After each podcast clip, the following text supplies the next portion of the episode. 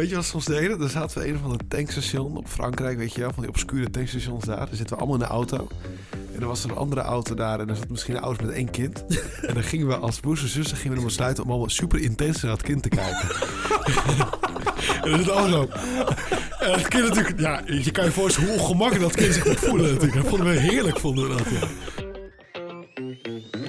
Welkom bij de Goed, Beter, Best podcast van Move. Mijn naam is Henk Jan en als vrolijke PKN'er zoek ik samen met de katholieke Paul en evangelische Godwin uit wat het leven nou goed, beter of best maakt. Iedere week gaan we met elkaar in gesprek en behandelen we de onderwerpen die er echt toe doen. Het is zover. We gaan met goed, beter, best terug naar het verleden. Paul, Godwin en ik gaan samen met Tweede Kamerlid Don Seder, oom van Godwin, terugblikken op onze kindertijd. Mario Kart, Ellie en Rickert en Asher halen oude herinneringen op. En we nemen ook een sprong in het diepe. Want wat betekent onze opvoeding nu nog voor ons? Hoe helpt het ons met het goede leven? En welke rol speelde God in onze jeugd? Van warme momenten en Spaanse moeders tot de kerk, grote vragen en de hele reis die opgroeien heet. Dit is onze trip down memory lane. Nou, Dan moet je even zo'n muziek, muziekje, zo'n ja, we hebben. doen. eh, Nou, misschien is dat wel leuk, mannen. Ehm, wij, even kijken. Eh, Godwin had nog wat aangedragen. Even kijken hoe dit landt.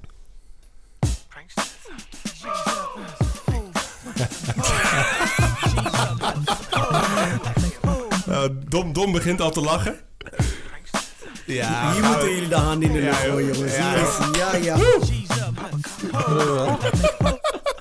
Want Godwin, eh, aan tafel Don Seder, Tweede Kamerlid ChristenUnie. Hartstikke welkom, fijn dat je er bent. Dankjewel. Ehm, en oom van onze allergrote vriend Godwin. Yes. Oom klinkt raar, want jullie, jullie verschillen echt drie jaar in leeftijd. Ja, en Don heeft mij pak slagen gegeven waarbij oudere broers aan hun broertje geven. Dus ik zie Don ook als een, eh, als een oudere broer. Maar nu, nu, na al die jaren American voetbal kun je hem hebben, toch? Of niet? Ik, ik, weet je, ik dacht iedere keer als ik ouder word, dan lukt het me wel. Maar Don verrast me toch. Ik moet zeggen, Don doet van die rare dingen, man. Hij is laatst ook een, eh, ging hij een, met het leger ging hij wat doen. En hij is hij op een aantal weken gewoon goed getraind. En dan leert hij met wapens omgaan. Dan denk ik, bro, je bent weer een stap verder. Er moet wel altijd een stap voor, voor zijn. Dus, eh, Want jij bent, jij, even, jij bent reservist, toch? Of niet? ja, klopt ja. Sinds een paar jaar eh racevist bij Defensies. Hartstikke leuk. Je kan aan de ene kant hè, je land nou ja, dienen. Aan de andere kant leer je ook heel veel als het gaat om in groepsverband, het leger, met defensie, met cybertechnologie eh, werken. Dus dat is hartstikke leuk. En om Godwin nog onder, onder te houden dus. En om Godwin eh, van... Ja, het is zelfverdediging, hè. Ik eh, verwerp de aantijging dat ik hem aanval. Oké. Maar het is puur ter zelfverdediging. Kijk, hier spreekt de advocaat, ben je ook nog. Maar dit is ook een stukje Don Seder dus. Ja. Wa- waarom? Waarom Godwin? Waarom dacht je, dit moet er even in? Ehm, ik kan me herinneren dat op een gegeven moment... Kijk, als je drie jaar verschilt, dan is 18 en 15 is best wel groot. Het zijn twee werelden. Ik kan me herinneren dat Don altijd weg mocht gaan in de avond. En dan mocht ik nooit weggaan, maar hij was DJ ook op een gegeven moment. En dan eh, speelde hij liedjes af en dan zag ik dingen voorbij komen. En dit waren, dit waren de tunes, man. Usher, R. Kelly. ehm, dit, wa- dit waren gewoon de jams. Oh, heerlijk. Ja, en Corop die kon, kon gewoon meezingen, dansen thuis. En het was echt, ja, als dit begint te spelen, dan ga ik weer terug naar mijn kindertijd. En, en, ja, je, je, zit, je zit hard op te lachen in ieder geval, Don. Ja. Nee, ehm, nou ja, ik wist niet dat hij dat hij dit, dit, dit nummer zou af, afspelen. Nee, maar ehm, ja, waarschijnlijk is de afstand 18, 15 wel groot. Ik was eh, ja, met heel veel dingen bezig, ook rond mijn studietijd. Waaronder muziek, muziek draaien, maar eh, we hebben ook... eh, ik, heb in, ik heb in een dansgroep ge- gezeten, bij een theater geda- meegedaan. Dus eh, heel veel dingen. Nou ja, ik weet niet hoe Godwin dat dan per se beleefd heeft, maar hij zag Maar die het dus dacht van buitenaf. Ja, ja. Ja, kennelijk wel. ja. Dus dat is, eh, dat is mooi. Lachen. Ik heb, we hebben nog een paar... Ja, ik, vind het, ik loop dan weer te klooien met dat soundboard. Dus ik zei tegen Jesse, laten we nog eens even snel wat tunes en dingetjes erbij zoeken. Mijn kindertijd is toch ietsje meer dit.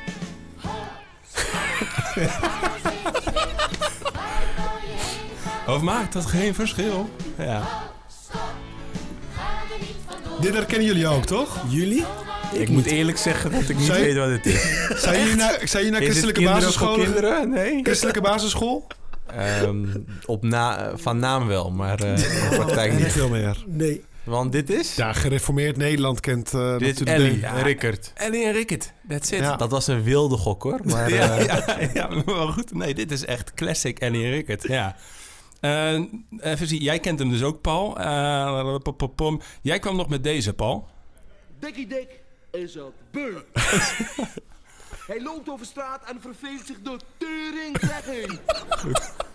En wat ziet hij daar? Dikkie dik, een auto. Een hele grote dikke BMW uit de 7-serie. Nou, Dick, Dikkie Dik, Vliegende Panthers. Dit is Ik ken een heel mijn andere hoofd. kant. Ik ken het uit dus mijn hoofd. niet. Ken ik dit. Het zegt Ook mij ook niet. echt niets Oh, hoor. dit vind jij genieten, Godwin. Ik, ik, ik luisterde en ik denk, ik zou dit echt heel leuk vinden, maar ik, kan, ik heb geen clue wie dit is. ik dacht bijna Najib ken, ik ken deze sketch uit mijn hoofd gewoon. Ik kan het, het is drie minuten Nou, lang. dat gaan we nog ontdekken. Maar we Godwin heeft van de week ook kennis gemaakt met internetgekkies, dankzij ons. Dus Ja, mooi. Ja, dat is klopt. ja. Die moet ik ook nog kijken, inderdaad. er valt een wereld te ontdekken. Deze kennen we denk ik... En daarna gaan we over serieuzere dingen hebben hoor. Maar deze kennen we denk ik allemaal. Da, da, da. Dit is van de eerste Nintendo. Ik denk dat het echt van de eerste grijze bak is, hè? Ja, Die hebben we thuis gehad, ja. Mario. Waren jullie eh, gamers? Zeker, ik had eh, een Nintendo 64 en eh, met Mario ook. En op een gegeven moment had je het spel uitgespeeld. Voor mij moest je allemaal sterren halen. Ik Ja. had er voor mij 120, 150. 150 ja. En als je dat deed, dan op, op internet zag ik dat Yoshi op, op het dak te vinden was. Dus ik had een soort trucje gevonden waardoor ik Ja. op het dak van het paleis kwam waar je eigenlijk nooit kwam. En daar stond er een levensgrote Yoshi. En vanaf Mm. dat moment kon je altijd vliegen. Ja, het voelde zo alsof ik iets ontdekt had wat de rest van de wereld gewoon niet kende. En achteraf ja, is het gewoon zo dat de spelmakers dat gewoon, gewoon, gewoon auto voor iedereen gemaakt hebben. Maar het voelde, het voelde alsof ik iets, iets wist. En jij wist... De, En de rest van de wereld niet. En dat wist ik omdat ik alle sterren gehaald had. ja, Dus, ik eh, vond, dat, ik vond dat een game inderdaad. Mario ook met name dan... Ik had Super Nintendo, dus nog één generatie daarvoor denk Ja. ik. En dan, dan had je allemaal van die... Dan moest je in die buizen, weet je wel. Dan Ja. had je van die buizen waar je dan in één keer twee hele eh, werelden mee... Dat, dat, Als je dat soort dingen ontdekte, dat, dan was je middag wel geslaagd. Ja, ja, ja. Ja. Of dan verscheen dat gouden bootje opeens eh, op de kaart van... eh, dat was Super Mario 3, denk ik, hè, op de Super Nintendo. Ja. Ehm, zeg, ehm, ik, ik, nou, even, even lekker even in, dat, in die kindertijd terugkomen. Maar we gaan het hebben over kindertijd, omdat dat ja, je leven vormt. En als eh, denk best wel heel belangrijk is of je een goed, beter of best leven leidt. Zo simpel is het. Ehm, maar voor we, voor we daar... nou ja, misschien even een leuke vraag om mee te beginnen. Wat is eigenlijk de leukste herinnering aan je kindertijd, Godwin? Zo, de leukste herinnering aan mijn kindertijd. Ik denk dat dat dan zal zijn... ehm, de eerste keer dat ik sneeuw zag, denk ik. Ik heb het al een keer verteld in een podcast. Maar het was Ja, zo ja. gek voor mij. Ik kwam dus uit Ghana. Ehm, en toen was ik zes jaar. En ik kwam in de winter, kwam ik, maar er lag nog geen sneeuw. En toen op een gegeven moment werd ik wakker op een avond. En toen keek ik naar buiten, het was gewoon helemaal wit. Dus ik snel weer slapen, beetje bang. Denk, wat is dat? Volgende ochtend, ik ga naar beneden. En ik zie gewoon iets wit op de grond liggen. Dus ik denk, hé, wat, wat is dat? Ik pak sneeuw op. Ik denk van, wauw, wat is dit mooi. En toen voelde ik dat het enorm koud was. En dat is ook de grootste nachtmerrie van mijn kindertijd. Want ik vond sneeuw vanaf dat moment helemaal niet meer leuk. Maar dat, eh, koud. dat eerste magische moment dat je dacht van... wat is dit? En de hele Ja, wereld ziet ja. dan, dat is wel echt... Dat heeft voor mij wel echt een... een, een ehm, het heeft voor mij Nederland getekend. Dat was voor mij echt, dit is Ja, Nederland. Hoe, oud je? was je? Ik was toen eh, zes. Zes Ah, ja. jaar, ja, toen ik voor het eerst sneeuw zag. Ja, wauw man. Don, voor jou? Ja, is een goede, is een goede vraag. Ik denk, ehm, wat mooi is geweest, is, ik kan me wel heugen, dat ik eh, een van de eerste keren dat ik in Suriname was. En dat is dan eh, warm, lekker eten. eh, en dan ben je met fa- familieleden die je niet al te vaak ziet. En voor mij de eerste keren, dat was zo'n contrast met Nederland. Dat was echt wel heel bijzonder. Eh, je, je, daar haal je gewoon een kokosnoot van, van de weg. Nou, die maken ze ter plekke klaar. Krijg je een rietje mee. Ja, ik had toen echt wel het gevoel van... eh, nou, dit is het leven. Ja, dat dacht ik. En ja, op een gegeven moment ga je dan weer terug. Dan denk je, oh, nou... Geen kokosnoten meer. geen kokosnoten meer. Dus dat is wel een van de kenmerken. Als je, als, je, als je dit zo vraagt, dan is mijn tijd in Suriname... voor mij was ik denk een jaar of vijf of zo... echt wel eh, heel bijzonder geweest. Omdat het voor mij een hele andere wereld was. En het was dus ook zoveel warmer dan, dan wat je letterlijk, maar ook figuurlijk klinkt het bijna als dat je ja, in was. de omgang ook. Dat mensen, mensen die je kent, maar ook mensen die je niet, niet kent... Ja, die ging- gingen zo anders, zo vriendelijker met elkaar om. eh, in het besef van, hé, hey, we, we, doen- we, we doen het allemaal samen. In zekere zin. Dus dat was ook voor mij heel erg verwarrend, maar in een positieve zin. Van, oh, zo kan het ook. Hm. En welke, welke, welke leeftijd had je toen je hebt gewoond? Ik heb er niet gewoond, het was, het was vakantie. Oh, was Eh, vakanties. omdat dat, de familie van mijn vader, die woont daar. Dus dat, dat, dat zijn verschillende vakanties geweest. Maar ik denk dat de eerste keer dat ik het bewust meemaakte, denk ik rond de jaar of eh, vier, vijf zo. Hm. Ja. En dat is wel iets wat, wat als ik daaraan denk, dan heb ik wel positieve en warme, warme gevoelens. Mooi. Paul? Ja, één moment vind ik moeilijk. Ik zal natuurlijk gewoon een paar dingen zeggen, want eh, dat is de bedoeling. Eén is, ik kan me herinneren als kind dat ik eh, lokale voetbalclub. Ik vond het voetbal op zaterdagochtend altijd helemaal fantastisch. Hm. Ehm, ja, ik vond het superleuk. Ik vond gewoon ook toernooien. Ik was heel competitief en zo. Ik was een spits en eh, dat vond ik geweldig. En een tweede is dat we gingen elke zomer met, met heel het gezin in, in, in de auto gingen we naar Spanje. Hm. En dan met familie. Want je bent, eh, mensen kennen jou inmiddels wel een beetje, maar je bent half Spaans, Ik half ben half Catalaans, Spaans, ja. Catalaanse moeder. Precies, dus Af ging, je er een conjo doorheen en dan... eh, ja. Inderdaad, ja. Dus dan ging ik... eh, mijn moeder komt uit Barcelona. Dus Barcelona. dan, dan gingen we naar Barcelona, het huis van mijn oma. Ja. En daarnaast gingen we nog... En dan met z'n allen op de achterbank, zeg maar, dat gevoel. Ja, het was een Chrysler Voyager, acht plekken. We waren met een gezin van acht, zes kinderen. Dus dan zaten we daar. En dan zaten we eh, 17 uur eh, op de weg inderdaad. Ja, en dan de, auto volgepropt natuurlijk met albums, eh, cd's en van die ANWB kinderboekjes. En vol met snoep, zodat we onze bek zouden houden. En, Ja. ja, en dan vijf uur 's ochtends Ken, vertrekken. je, ken je deze nog? Was die nog? Ernst, Bobby en de rest. Oh ja! Ernst, Bobby en de rest. Oh man, heb ik lang niet meer gehoord. Ik had er echt een schurfthekel aan. Want mijn zusjes die zijn dan jonger dan ik. Die vonden dat dan wel weer leuk. En Ja. dat- ik was dat net ontgroeid. Maar goed, Ernst Bobby en de rest en dat soort. Ja, en natuurlijk. En sowieso die, die typische cd's van Kinderen voor Kinderen. Hè? Oh, ja. van, eh, van Op een onbewoond eiland en eh, dat soort Ja. dingen. Dus dat, dat hoorde er ook wel Maar bij. dat gevoel, het begon natuurlijk met... Je sloeg elkaar af en toe de hersens in. Maar dat gevoel met z'n achten in die auto op weg naar Barcelona. ja. Dat Weet met je, je, weet, je, familie, wel- weet, dat... je wat, weet je wat ze ons deden? Dan zaten we in een of ander tankstation op Frankrijk, weet je wel. Van die obscure tankstations daar. Dan zitten we allemaal in de auto. En dan was er een andere auto daar. En dan zat misschien een ouders met één kind. en dan gingen we als broers en zussen gingen we besluiten... om allemaal super intens naar het kind te kijken. en dat is allemaal zo.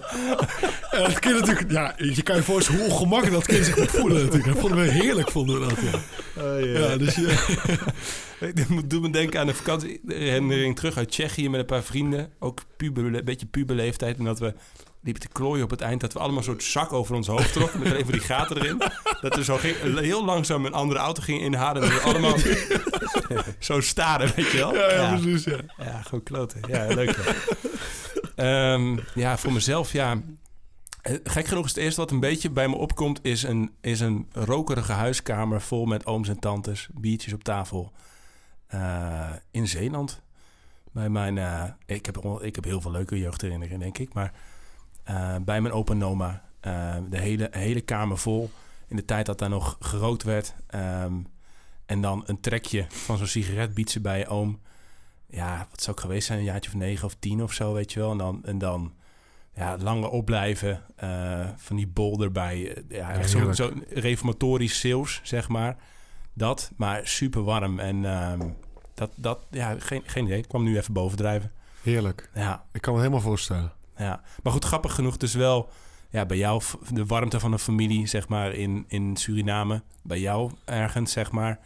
Ja, vond ze allemaal wel belangrijk, denk ik. Ja. Ja, cool. Ehm, even, even voordat, ehm, nou, eh, voordat we één grote trip down memory lane maken. Ehm, eh, jullie twee, oom en neef, hoe zit dat? Kun, kun, eh, leg eens uit. Ja, ehm, mijn moeder die, eh, die heeft een aantal kinderen. En, eh, mijn oudste zus, en wij verschillen flink in leeftijd, die is opgegroeid in Ghana. Eh, die heeft een kind en dat kind heet Godwin. Ik hoop dat ik het zo duidelijk heb Ja. uitgelegd. Mijn moeder is dus de oudste zus van, eh, van Don. Ja. Ja, dus als hij me pak slaag gaf, dan eh, ging ik altijd naar mijn moeder toe om te vertellen wat hij had gedaan. ja. En jij bent dus geboren in Ghana. In Ghana, ja. En Ja. toen ik zes jaar was, kwam ik eh, naar Nederland. En jij woonde toen al in Nederland. Je bent ook geboren, denk ik, hè? Ja, klopt. Ja. Ja. En kunnen jullie iets delen over hoe je bent opgegroeid? Wat, wat voor eh, wereld was dat? Wat voor setting? Ja, was een wereld vol frikandellen en patat. dat is het eerste wat in me opkomt. Don zijn moeder, mijn oma, die eh, was een hele, ehm, ja, open vrouw. Eh, ze was heel, heel vriendelijk naar iedereen. Ik denk dat, dat, dat ik mijn, grotendeels van mijn karakter ook daar vandaan heb. Um, en de hele buurt was altijd welkom bij ons. Dus mijn oma wist ook, er kwamen altijd mensen. We in het weekend ook gewoon echt constant mensen over de vloer. En ehm, daar, daarvoor, daarom kozen ze ervoor om altijd heel veel frikandel en patat in te slaan. Want dat was heel makkelijk om te maken. We konden het zelf, althans. We hebben het heel vaak moeten proberen tot het goed ging. Met vorken in de, in ehm, de frituurpan, waardoor alles ehm, eh, de stoppen doorslaan. Dat soort fouten hebben we wel eens gemaakt. Uiteindelijk konden we zelf patat en frikandellen maken. En dat was voor ons echt, eh, echt het leven. ja, dat was echt het Er leven. is volgens mij nog geen, geen aflevering voorbij gegaan zonder dat je over fastfood eh, en, eh en frituur ja. begint. Ja, het lijkt dat mijn leven is, is gewoon ingevuld daardoor. Ja. Het, is, het, is echt, het was echt heerlijk. En voor de rest hebben we heel veel geleerd om aan je naasten te denken. Dat heb ik echt terug bij mijn oma gezien. En vooral ja, ver en vooruit te Ja. streven. Dat, dat is echt iets wat zij mij heeft, eh, heeft meegegeven. Want jullie zijn dus, even voor ons begrip, jullie zijn dus bij je oma opgegroeid. Want je hebt ook wel eens gezegd van, joh, eigenlijk was mijn oma ook mijn moeder, soort van. Hoe, hoe, Ja. eh, hoe was dat? Ja, het was Dons moeder en voor mij mijn oma. Dus voor Don zal het waarschijnlijk anders hebben ervaren dat zijn moeder hem gewoon opvoedt. Maar voor mij was het mijn oma die mij heeft opgevoed. En ik noemde er ook gewoon mama. Dus het was thuis niet dat ik oma zei. Het was gewoon altijd, eh, ik noemde mijn oma mama. Hoe, wat, ehm, ik weet dat zij, eh, dat heb jij natuurlijk gedeeld met ons, dat zij recent is overleden.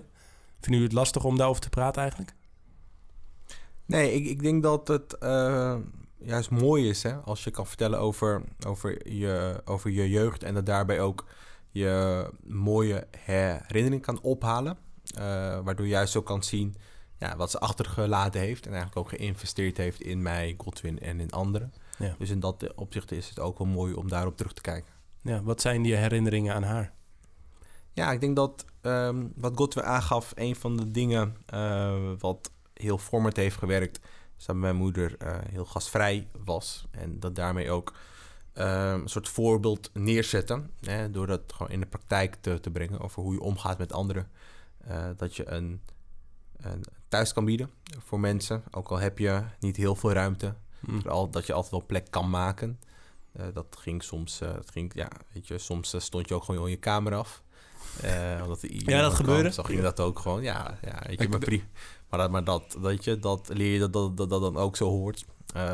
Mijn moeder die is, is in Ghana geboren, uiteindelijk naar Nederland gekomen.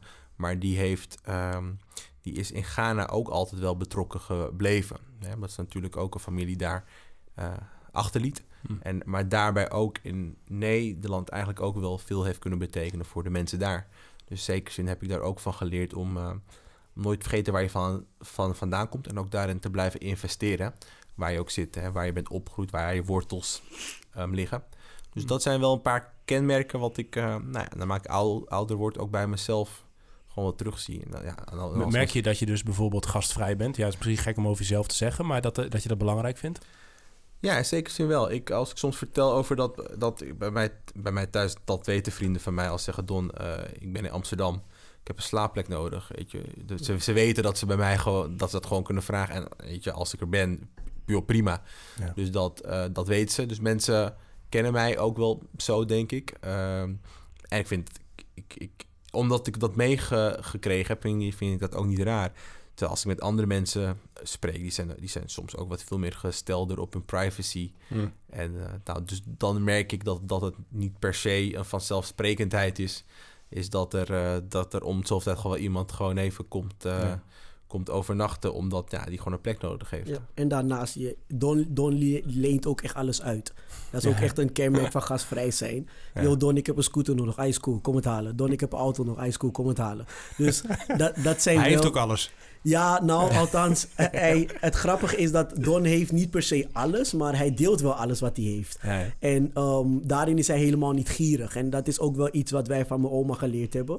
Eén ding wat mijn oma ook wel echt kenmerkte, waren de manier hoe ze ons strafte. Ja, joh. Mijn oma kwam Ja, want op- ik wilde vragen, was ze nou bijvoorbeeld een heel temperamentvolle vrouw? Ja, zo nou, die met eh, je- de schoenen in richting huis... eh, Godwin. Je moest niet denken dat je mijn oma voor de gek kon houden. Nou, kijk, kijk ze, ze, mijn oma kwam op een gegeven moment erachter. En dat is... Kijk, het is niet Don's schuld. Don heeft ook nog een jongere broertje, Pablo. Die is wat groter dan ons. Pablo is twee meter zoveel. Op een gegeven moment kwam mijn oma erachter. Wanneer ze ons sloeg, het deed geen pijn meer. Maar Don ging naar faken bijvoorbeeld. Dat hij ging huilen en naar zijn kamer. En in zijn kamer stopte hij met huilen. En dan ging hij gewoon verder gamen. Nou, ik zag dat. Dus ik dacht van, ai, ik ga dat ook doen, weet je. Wanneer ik word geslagen, ga ik doen alsof ik huil naar de gang. Wanneer mijn oma niet kijkt, ren ik weg. En dan ga ik mijn ding doen. Wat deed Pablo? Hij wist dat we het niet voelden. Dus op een gegeven moment werd hij. Zei ik, ik voel het toch niet. Don ook niet. Godwin ook niet. Oh, man. Verraad. Verraad. Hij, Verraad, hij ja. heeft ons zo in problemen gebracht. Op een gegeven moment heeft mijn oma de strategie gewoon aangepast.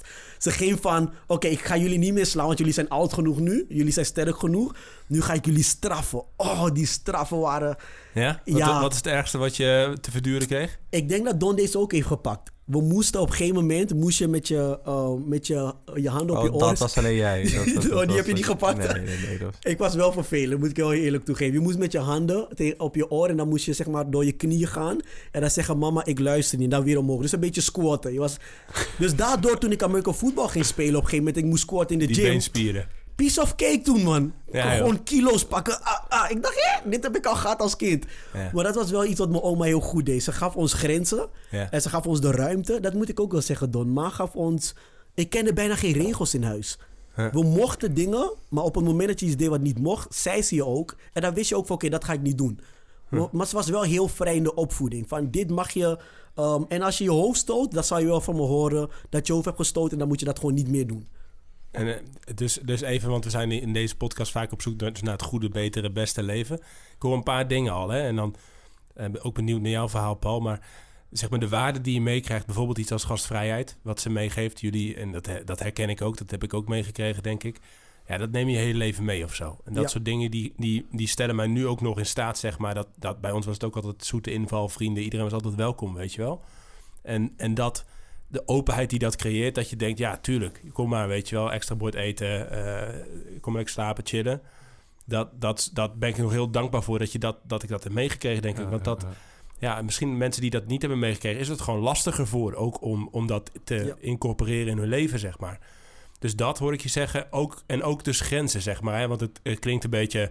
Ja, van, eh, niet iedereen tegenwoordig slaat niet iedereen zijn kind meer. Ik krijg nog wel eens een keer een lel van mijn kop. Maar, dat, maar, maar in ieder geval een soort van grenzen meegeven. Wat Ja. je in je kindertijd nodig hebt. Zodat je ook weet van... hé, hey, ik kan lekker heen en weer eh, rennen. Maar op een gegeven moment is er ergens wel een keer een... eh, iemand die, die me binnen de, binnen de baantjes houdt of zo. Ja. Ja, tof.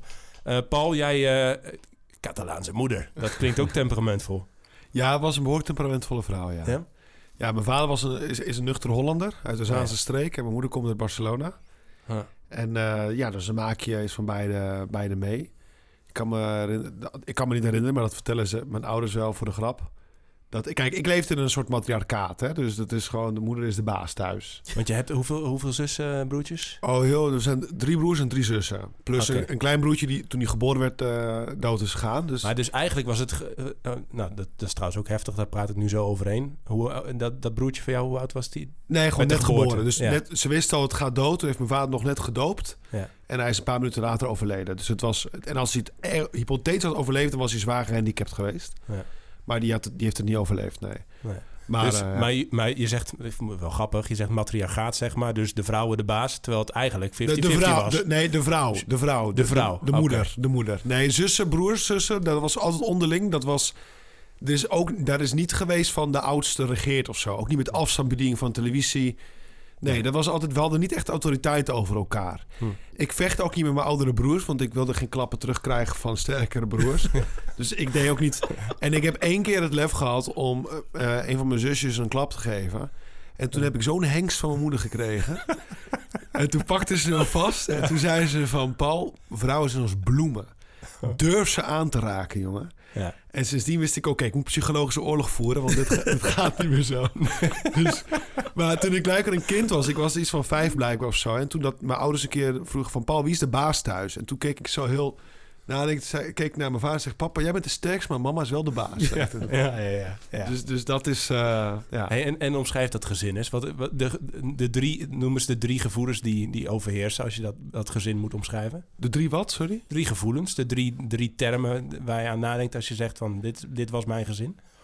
Drie termen. Eh, even kijken. Eh, ja, eentje is misschien toch wel een beetje buitenbeentje. Eh, en dat klinkt heel drama, dat bedoel ik niet, maar dat kan ik zo even toelichten. De andere is toch ook wel weer ja, lollig. En de andere is ook wel weer... Ja, in beweging of zo. Kijk, buitenbeentje zeg ik, want ik kom, dit is echt een katholiek nest. Ja. Maar mijn ouders willen ons heel bewust ook het katholieke geloof meegeven. Dat vonden ze heel belangrijk. En we hebben de eerste... ehm, Mijn ouders zijn getrouwd in 1980 en tot het jaar 2000 hebben ze in Nederland gewoond. Eerst in eh, Diemen, eh, daarna Rotterdam, daar ben ik geboren. Eh, en daarna in Elst, dat is een klein dorpje in de buurt van Veenendaal en Renen. Dus dat is meer als je Bijbel belt. Mhm. En, eh, en dat, dat bewustzijn dat je katholiek was, dat, dat hebben we altijd wel meegekregen. Ook op een hele leuke manier hoor. Dus missie naar een leuke parochie. En daarnaast eh, in, in het Opus Dei waren ook scholierenverenigingen, leuke gezinsactiviteiten. Dus ook veel vriendjes en andere leuke families. Dus Dus het was niet per se zwaar, maar je was wel, je wist wel, ik ben, ik ben anders. ja, want we gingen ook naar school met de Bijbel. Ja. Eh, dus je ging naar een gereformeerde school en eh, je wist, je deelt iets met elkaar. Dat is natuurlijk de Bijbel en Jezus. Maar je wist ook wel dat jij op zondag andere dingen deed dat je, dan je klasgenootjes. Hm. En, ehm, en je was ook half Spaans. Dus dat is natuurlijk ook zo'n dorpje ook altijd wel iets, iets bijzonders. En toen verhuisden we naar, naar Spanje. Toen was ik zelf tien. En eh, ja, daar was je toch ook een beetje het half... Ik was toen nog een buitenlands jochie. Ik sprak nog moeilijk... Ik sprak wel een beetje Spaans. Hm. Maar aan het begin was het ook wel een beetje met een Van Gaal accent, weet je wel. En je moet er ook nog even inkomen. En na twee jaar verhuisden we weer binnen Spanje, van Madrid naar Almeria. Ja. Dus dat bedoel ik ook met een beetje in beweging. Dat je nooit ergens een, eh, een echt een vast thuis van hier, ben, hier kom ik vandaan of zo. Ja. En dat je ook wel anders, want ook in Spanje, mensen denken Spanje heel katholiek. Maar ik ging naar katholieke school. Ik was in mijn puberteit de enige jongen die elke zondag naar de heilige mis ging, naar, naar de kerk. Hey, dat, dat, dat buitenbeentje gevoel, dat, ik kan me voorstellen... Ik, ja, ik voor mezelf trouwens, ik was dat dus niet. Want ik was gewoon een witte kaaskop in een witte kaaskop eh, redelijk. Nou, iedereen voelt zich wel eens een beetje buitenbeentje. Dat, dat, maar gewoon wel... Ja, gewoon een redelijk veilige setting, zeg maar... waarin ik gewoon heel veel mensen had die op mij leken, denk ik... en ongeveer eh, pasten binnen wat de gangbare norm was. Maar voor jullie is dat misschien... Hoe was dat voor jullie eigenlijk?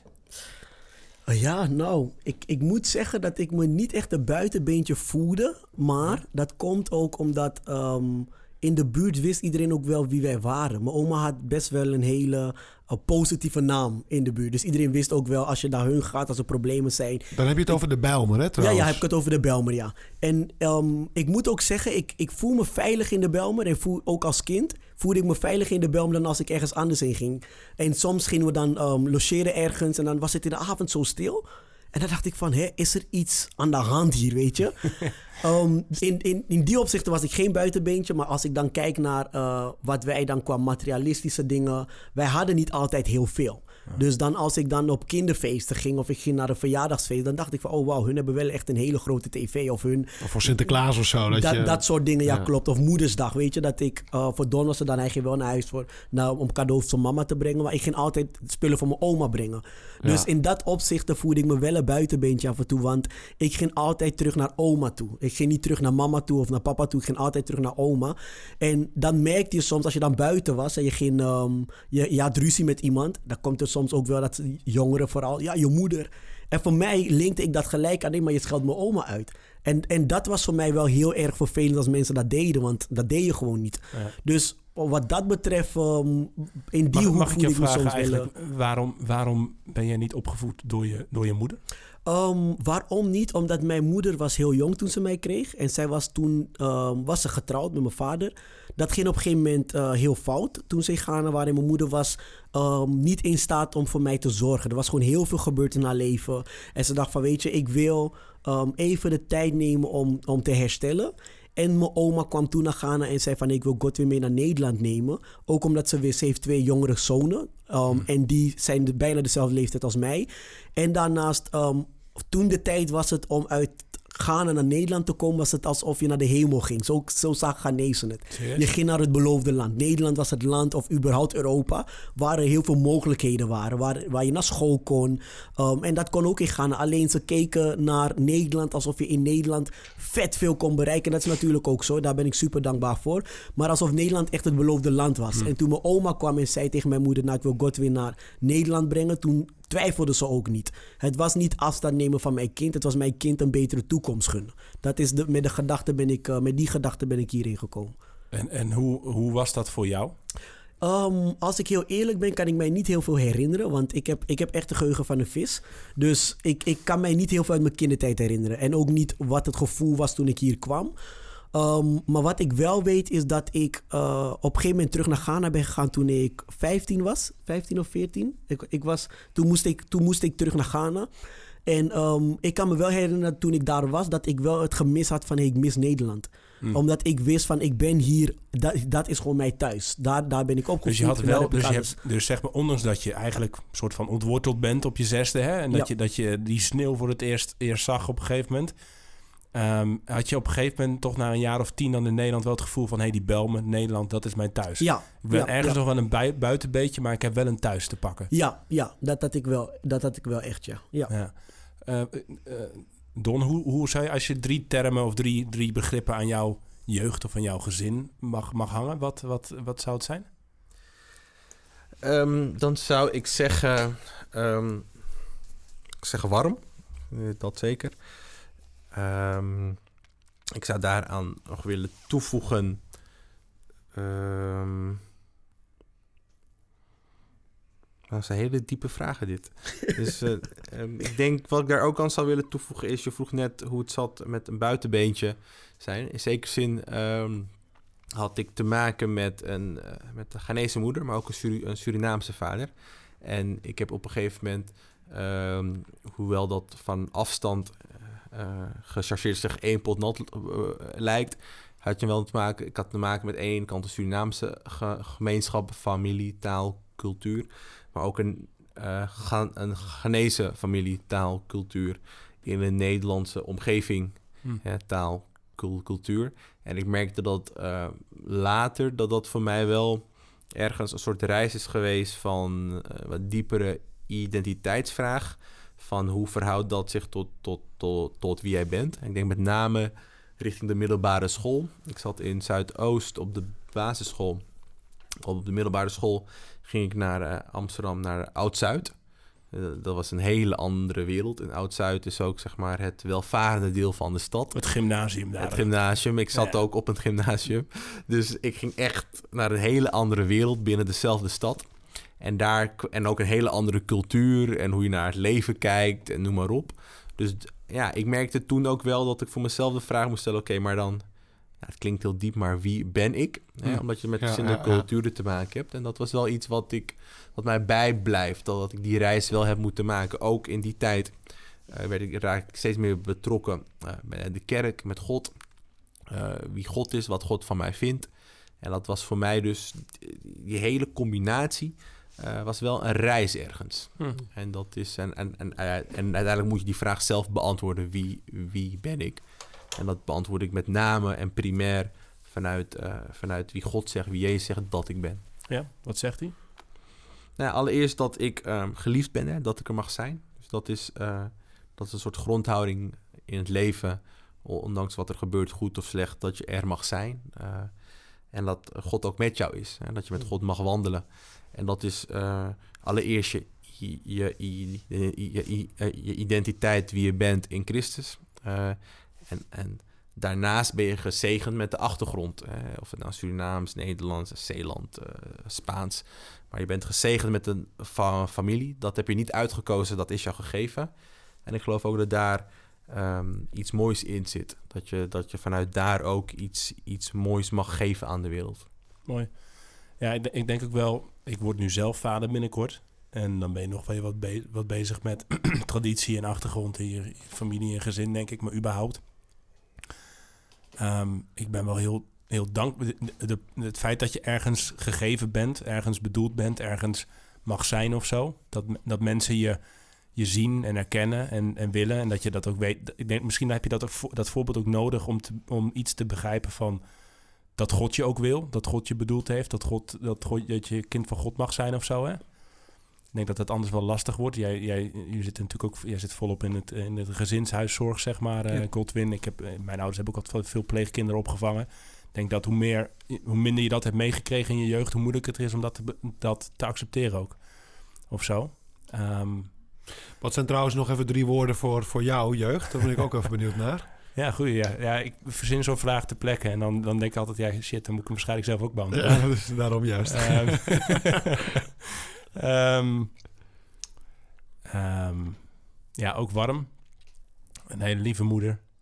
Maar ook wel een stevige moeder. Gewoon eh, geen, geen doetje of zo. Maar, maar, eh, maar vooral heel lief. Mijn zus heeft wel eens gezegd... Van, joh, ja, die, die heeft al kinderen van... Hey, je hebt mij leren houden van mijn kinderen. Of ik kan heel goed houden van mijn kinderen. Daar ben ik heel blij om. Mm. Zeg maar, omdat je dat geleerd hebt van je eigen moeder. Ja, mooi. Dus, dus dat. Ehm, ik denk, ehm, ja, toch, toch avontuurlijk. Dat, dat klinkt niet alsof wij, alsof we elke, we gingen niet als een soort van eh hopman met, eh, met de padvinders elk weekend eh, het avontuur aan. Maar mijn ouders waren wel mensen die ons op verre reizen meenamen. En die, die zijn een aantal keer, ik ben wel een keer of vier, vijf verhuisd in mijn jeugd in binnen Nederland. Maar die wel zichzelf uitdaagden, die het wetenschappelijk interessant vonden om stappen te zetten. Die, ehm, die, die andere mensen toelieten in hun leven. Dus, dus ik ben zelf een avontuurlijk type. En als ik er nu zo over nadenk, ik probeer mezelf een beetje kou, psychologie, van de, psychologie van de koude grond te analyseren. Dan denk ik, ja, toch ook toch iets van een stukje avontuur, van, een, van vernieuwing. Van hey, wat, wat, wat, wat ligt er nog allemaal achter de horizon? Dat heb ik wel, eh, wel meegekregen. En gezellig of zo, denk ik. Ja, mooi. Het was gewoon gezellig. Ehm, en christelijk. Dus eh daar heb ik al vier eigenlijk. Gezellig voeg ik bij warm onder. En dan is mijn derde antwoord is, eh, is christelijk. dat laatste is trouwens denk ik voor in verschillende tradities. Maar jij begint er natuurlijk ook over nu, Don. Hoe belangrijk is dat in je jeugd geweest eigenlijk? Ehm, ja, ik denk altijd wel aan, aanwezig geweest. Binnen de Ghanese gemeenschap is iedereen wel een soort van christen. Ehm, maar wat het echt betekent thuis... Nou, mijn moeder op een gegeven moment, nou ja, die heeft... Die, die, die, die, die, die was bijna, die was gewoon elke dag met de kerk bezig. En, en, en dat kreeg je mee vanuit, vanuit hoe, ze met je, hoe ze met jou ehm, sprak. eh, de bijbelteksten die ze dan las, kende heel veel uit haar hoofd liedjes die ze dan ook gewoon eh, zong terwijl ze, terwijl ze het huis aan het schoonmaken was. Dus, dus, dus dat krijg je op een ge- gegeven moment ook wel echt mee. Ehm, dus, dus in dat opzicht eh, echt wel een, eh, heel christelijk. Hoewel het wel ook gegroeid is hoor. Dat was echt dat dat, dat na, ik denk, ik, ik, eh, dat is na mijn zevende, achtste zo is het ook steeds meer gegroeid. Hm. Want daarvoor, ik, ik kan me ook heugen dat ik op een gegeven moment dat, dat, dat ik niet naar de kerk ging. En op een gegeven moment moesten we naar de kerk. Dus, Hm. dus dat kan ik me nog wel heugen. Huh? Is het een soort speciale omslag geweest dan ergens? Nou ja, ik denk, ik denk dat moeder wel altijd gelovig is geweest. Maar op een gegeven moment denk ik dat ze daar echt ook wel een soort vastberaden keuze heeft gemaakt. Van oké, maar dat weet je, wil ik voor mezelf ook wel en ook mijn kinderen. Ja. Daar echt ook wel een, een bepaalde basis in de, in de kerk leggen. En op een gegeven moment, zij zat in, in een kerk waar ik, waar ik gewoon helemaal niet kon aarden. Eh, onder andere, nou, er werd een taal ge- eh, gesproken die ik gewoon niet snapte. Dus dat was ook wel een beetje of? lastig. Gewoon letterlijk, ja. Dus dat was een beetje lastig. Ik had vroeger al een beetje een hekel aan de kerk, zeg maar. Het was moeilijk en saai en traag. Maar een andere taal, gewoon de taal die snap is wel next Ja, level. En ik kwam in een kerk waar je gewoon een kinderschool en eh, dan kreeg je gewoon straf als je de opdracht niet goed, goed deed. Zo. Maar ik snapte de vragen nooit, dus ik kreeg altijd straf. Dus op een gegeven moment was ik klaar mee. Dus, Hoe, hoe eh, wil je je kind af van de kerk houden, zeg maar? Doe dit, ja. dus op een gegeven moment eh, liet ze ook de vrijheid. Nou, toen zocht ze ook wel echt, nou oké, maar oké, ik kan niet bij een kerk waar hij zich wel thuis voelt. Nou, daar heeft ze ook echt wel moeite voor gedaan. Dus via via kwam ik in een kerk terecht waar ik eigenlijk nu nog steeds zit. Ja. Dat komt ook echt wel via contacten die zij had. Dus eh, zij heeft er wel altijd in, ge, in, ge- in ge- geïnvesteerd. Ik, ik vond dat altijd zo grappig, hè, want ehm, toen ik kwam moesten we naar de kerk. Dus ik denk dat mijn oma daar ergens die omschakeling ook heeft gemaakt. Dus ik herinner me dat mijn oma op een gegeven moment zei... als we niet naar de kerk gaan, krijgen we geen hamburgers als we thuiskomen. Dat was echt goud. Die hamburgers die mijn oma maakte na de zondag, na de dienst, dat was goud. Maar op een gegeven moment eh, maakte ze ook tosties op echt verschillende manieren. En mijn oma had random ook een tijdje... don dat mama opeens eh, pizza's ging maken. Ja, ze was naar Italië geweest. eh, maar een paar weken op vakantie. Toen ze terugkwam, toen, toen was het elke dag pizza opeens. Dus dat is geleerd echt? daar. Ja. En op een gegeven moment mocht Don, dat kan ik me nog herinneren, Don mocht wel naar een andere kerk. Ja. En ik moest elke zondag ook mee naar die kerk. Maar Ja. ik, je zou denken, ik spreek Ghanese en ik versta het goed. Ik versta het wel, maar ik, ik, ik kan niet communiceren in het Ghanese. Ja. Dus op een gegeven moment kwam ik huilend elke zondag thuis van de kerk en ik wilde gewoon niet meer.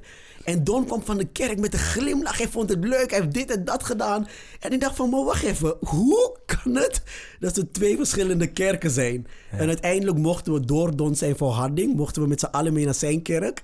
En dat is ook de kerk waar ik vandaag nog steeds naartoe ga. Safe Haven Church. Uh, mochten we met z'n allen die kant op. En dat was zo een een wereld van verschil. Want toen mochten we opeens dansen. We mochten opeens met theaters meedoen binnen de kerk. Dit was echt een hele andere, andere ja, wereldje was het. Dus, dus hij af en toe sloeg hij in elkaar, maar over hij heeft je ook zeg maar een. Hij is, hij, heeft- hij, hij is door zijn volharding en, en, en gewoon nieuwe stappen te zetten, zeg maar ook wel een- wat moois ja, meegemaakt. ja, ik moet zeggen dat ik vaak, ehm, eh, ook in het gezin, dat ik een beetje achter Don geen schuilen als er wat was. Dus was altijd, eh, ik ging altijd Don zijn kant opzoeken, want ik wist, oké, daar, daar wordt minder gestraft en heb je minder pak slaag. Maar ik, soms gleed ik ook wel uit naar mijn eigen kant en dan kreeg ik hem ook wel.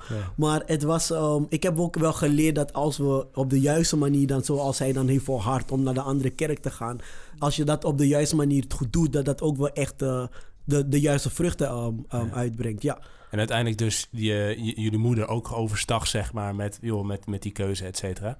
Eh, misschien dus ook wel even, ik probeer altijd de lessen weer even uit te plukken, hè, zeg maar. Dat allemaal we dus wel gewoon heel bewust een christelijke opvoeding meegekregen. En, die- en ouders die, laat ik het zo zeggen, hè, je ik heb ook wel eens gehoord van... ehm, je kunt je kinderen wel meenemen naar de kerk. En, ehm, en, en dat kan dus zelfs een kerk zijn waar je echt eh, nou, dik op afknapt. Of een kerk waar je, waar je helemaal goed tot je recht komt. Maar het gaat misschien nog meer over... leven je ouders dat ook voor, zeg maar. Ja, en dat- is het onderdeel van. Ja. En dat hoor ik bij jou ook heel erg. Ja, Paul. absoluut. Bam, toch? Absoluut. Dus, dus ik, heb het, ik, ik zie dit nu ook. En ik heb het ook gezien. En ik heb het godzijdank echt mogen ervaren in mijn eigen gezinssituatie. Het bepalende is dat, dat, dat je als kind, denk ik ook... dat je ziet hoe je ouders bidden. En hoe ze dat Ja. heel serieus nemen en hoe ze erop steunen. En ik kan me ook nog zo goed... En een ander punt, denk ik, is... als je kinderen vragen hebben over het geloof... dan ze nooit de mond snoeren of zeggen wa wa wa. Of nee, Ja. nee, pro- probeer ze een antwoord te geven. En als je geen antwoord hebt, zoek een antwoord. Gewoon ga, maar hè, van, Ja. laat, die, laat die gezonde nieuwsgierigheid van je kind. Want wat je ook kan krijgen, dat heb je helaas soms, dat mensen van het geloof afvallen. Dan zeggen ja, want eh, mijn ouders zeiden altijd nee, omdat het zo is. Omdat het zo is. Ja, dan kom je wat in je studententijd. Ja, en toedeloe geloof. Want eh, daar kom je heel veel andere heel redelijke mensen tegen. Ja. Die een betere verklaring weten te geven dan ja, maar zo is het eenmaal. Ja. En nu moet je natuurlijk ook niet het geloof in een soort van eh dichtgetimmerd eh, wetenschappelijk boekje. Maar de- neem de vraag van je kinderen heel serieus. Ja, en een bepaalde... Dus het heel serieus nemen, dat herken ik ook bij mijn ouders. En stimuleren ook een gezonde... stimuleren, eh, het aanwezig laten zijn, voor de, waar, de waarde ook voor gastvrijheid, warmte, eh, geen idee, de waarde voorleven. Ja. Ehm, ja, dat is wel cruciaal. En dat ze ook echt zien van... Goh, papa en mama, door het geloof... Hè, merk, merk ik dat zij steun en kracht vinden en vreugde. Ja. En, dat, en dat, dat je het mag ervaren. Nog veel meer van zien dat, ze, dat je het mag ervaren. Ik, eh, en daarnaast wordt ook... Ik merk dat het gewoon echt altijd het hart van mijn ouders is geweest. Bijvoorbeeld in Spanje gingen we naar goede katholieke scholen. Maar goede katholieke scholen in Spanje zijn privé. Dat wil zeggen, ze kosten behoorlijk wat geld. Dat heeft gewoon de vakantie van mijn ouders eh 20 jaar gekost. Dat wil zeggen, 20 jaar zijn Wauw. geen vakanties voor mijn ouders. Eh, we gingen misschien naar familie met de auto, maar dat mijn ouders samen weggingen, nee, daar was geen geld Nee, voor. dus ze ging ook echt voor jullie als gezin. Hè? Dat, Ja. Daar gingen de tijd, de geld, de aandacht, Ja, de energie ja, ging, ja. ging daarin. Precies. Dat, dat geldt voor jullie moeder denk ik ook, of niet? Ja, zeker. Mijn moeder heeft eh, zeker geïn- geïnvesteerd in eh, school. Absoluut, vond ze Ja. belangrijk. Daar heeft ze echt op, ge- op gehamerd. Ik eh, ben echt geïntegreerd in de zin van dat ik echt van een zesjescultuur ben. Als ik een zes had, was ik blij.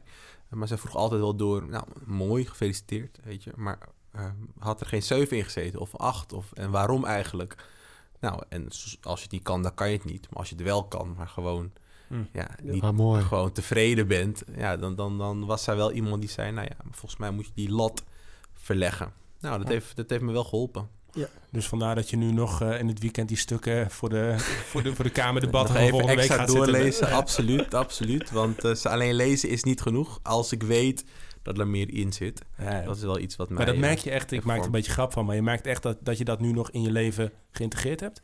Ja, ja, ja, ja, jawel. Ik denk dat ehm, niet zozeer de beste willen zijn, maar het beste uit jezelf halen. Ja. Dat is wel iets wat ik, eh, ja, wat ze echt, waar ze op hamerde en waar ik zelf ook wel betrap dat ik mezelf die vraag stel. Weet je, haal ik niet alleen voldoende uit mezelf, maar haal ik ook, ook het beste uit mezelf. Ja. Nou, en dan zie je dat ik daarin nou, ook een keuze die ik maak, probeer ik altijd wel eh, te gaan voor, voor, nou, voor dingen die misschien uitdagend zijn. Eh, omdat ik ook wel denk, ja, eh, maar als, als ik denk dat ik het kan, dan moet ik het ook wel doen. Dan moet ik niet, niet altijd voor veilig kiezen. Mooi. Hey, en, en vind je dat, want ehm, dan komen we ook een beetje op een volgend, eh, als jullie het allemaal nog volhouden. We zitten lekker te praten. Ehm, dus als je denkt van dit duurt me veel te lang, gewoon even stoppen. Morgen weer de rest van de podcast verder afluisteren. Maar ehm, ik, ik ben ik, even daar een- eigenlijk een vraag van, joh, wat heb je misschien ook, wat vind je misschien ook lastig uit, wat je uit je jeugd hebt meegekregen, of misschien juist niet hebt meegekregen? ja, ja. Ja. En, wat, en wat, wat zou je, nou misschien, eh, wat heeft dat voor invloed op je leven nu? Want ik kan me zo voorstellen bij jou, Don, hè, van hey, je zegt, ik heb dat meegekregen. De, het voorbeeld, de vraag, de, de, de druk ook een beetje om, de, om het beste uit je leven te willen halen. Niet de beste te zijn, maar dat woekeren met je talenten. Nou, ik herken dat. Ehm, mijn vader is ook zo iemand die, die, die dat impliciet, maar ook wel expliciet, maar zeker ook impliciet laat merken. Best doen op school, eh, altijd het beste uit zijn carrière gehaald. eh, uit het kerkelijk leven, maatschappelijk, et. En mijn moeder eigenlijk ook. Daar ben ik heel dankbaar om nu. Ehm, en ik merk dat ik het eigenlijk nu ook wat meer omarmd heb. Dat het meer onderdeel, meer natuurlijk voelt in mijn leven. Maar ik heb er ook tegen aangeschopt en ook mee geworsteld, zeg maar. Ehm, hoe was dat voor jou? Ja? oh, misschien Nee, er-. Ja? Maar wat, wat, wat bedoel je? Je hebt er tegen aangeschopt. In de zin dat je als puber daar een beetje opstandig tegen deed? Ja, of? ook. En als twintiger dat ik dacht, ja, ik schiet tekort. Ah, oké. dus dat niet. juist... Ja, Ik doe het niet goed genoeg, zeg maar. Ik, ik, eh, de, het voorbeeld dat me gesteld is, voelt te, voelt te zwaar. Of het, ik wil gewoon los zijn, ik wil vrij zijn. Ik ga anderhalf jaar backpacken. Ja, ik wil ja, geen, ge- geen, geen christelijke, of geen, dat, niet dat zware, weet je wel. Dat van het, het, be- het beste uit je leven moeten halen. is ook, heel veel mensen leven gewoon een lekker leven. Die willen gewoon het liefst een Tesla rijden. Lekker naar de Canarische eilanden op vakantie. Eh, twee kinderen. Eh, g- geen idee, hè? Lekker apart. Die zijn niet zo, maar ik heb dat wel meegekregen. En dus, dus ehm, nu is dat minder, maar nog steeds wel eens. Ja, je, je werkt je ook de blubbers en het is ook zwaar soms. En het is, nou, dat hè? Ja, is, dat, ja, ja. is, dat, is, is dat voor jou, eh, is dat herkenbaar bij jullie? Of? Ja, ik denk dat ehm, inderdaad wat je aangeeft, is, het kan, kan ook een valkuil zijn.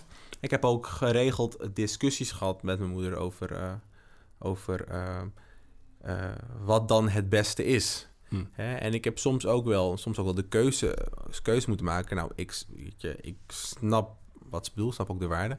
Eh, maar ik, ik denk juist het beste uit mezelf misschien ook wel een andere richting is. Dus, dus daar heb ik flink met haar eh, eh, van mening gewisseld, vaak ook wel. Maar de waarde van het beste uit jezelf halen, dat is wel binnengekomen. Alleen, ik denk dat ik op een gegeven moment ook wel zelf moest leren dat dat op meerdere manieren kan. Misschien ook meerdere manieren dan mijn moeder misschien hè, voor ogen had. Eh, mijn moeder was heel erg van het onderwijs. Is ook belangrijk, zeker. Nou, dat heb ik ook gewoon kunnen doen. Maar ik dacht, nou ja, op andere, andere dingen zijn ook belangrijk. En ik denk, eh, maatschappelijk wat kunnen betekenen voor deze wereld, eh, kan ook op andere manieren. Ehm, ja, terwijl moeder dat, dat, dat met name hè, vanuit een soort carrièreperspectief zag. En wat je aan, aangeeft, dacht ik, ja, ook omdat ik steeds meer met de kerk bezig was, waarin, ik, waarin eigenlijk ook het ook heel vaak ging over een bepaalde, nou, bepaalde roeping. Hè? Als iets op je hart legt waarvan je, waarvan je brandt van passie en verlangen van dit wil ik doen. Ik geloof echt dat dit het pad is. Nou, dat, kan, dat kan een andere carrière zijn dan, dan, dan een consultant. Om, terwijl ik niets wil afdoen aan consultants. Maar dat kan een wat spannender, wat ruiger leven zijn.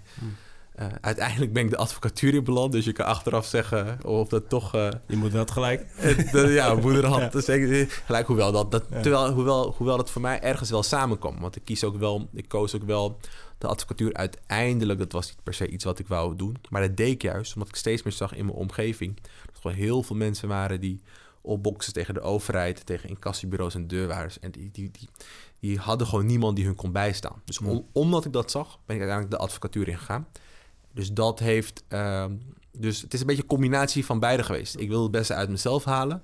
Maar ergens zocht ik ook naar, ja, maar wat, wat, wat, is, wat is hetgeen waarvoor je, waarvoor, je, waarvoor je hart in vuur en vlam staat? Hetgene wat God je gegeven heeft. Nou, en dat kwam heel erg samen in het opkomen voor de kwetsbaren. Hm. Dat heb ik jaren via de advocatuur gedaan en nu ook vanuit de Kamer. Dus eh, dat kwam uiteindelijk wel samen, merk Ja. ik. En dat, en, ehm, nou ja, maar je hebt dat dus wel, je hebt wel een proces gehad waarin je daarin even mee, mee moest worstelen. Waarin je moest zoeken van, hé, hey, wat is dan het beste leven voor mij? En, en misschien niet de weg die je, die je moeder is ook een generatie misschien nog meer van... Hey, het moet eh, advocaat of dokter zijn en het educatie, weet je, dat, dat gevoel. Ja. Ehm, Godwin, jij was natuurlijk helemaal een soort van vrije vogel, denk ik. Als ik ja, wat- Ja. Je hebt alle verhalen al wel eens een beetje wat gedeeld, maar hoe, hoe was dat voor jou? Voor mij was dat meer in, ehm, als ik kijk naar wat eh, een van de elementen wat ik terugzag bij mijn oma, dan was dat het geven. Ik, ik herinner, ik ben heel vaak met mijn oma geweest als we op straat waren. En ehm, ze ziet de dakloze, zegt Godwin, hier heb je 2 euro, ga broodje kopen en breng het voor die man.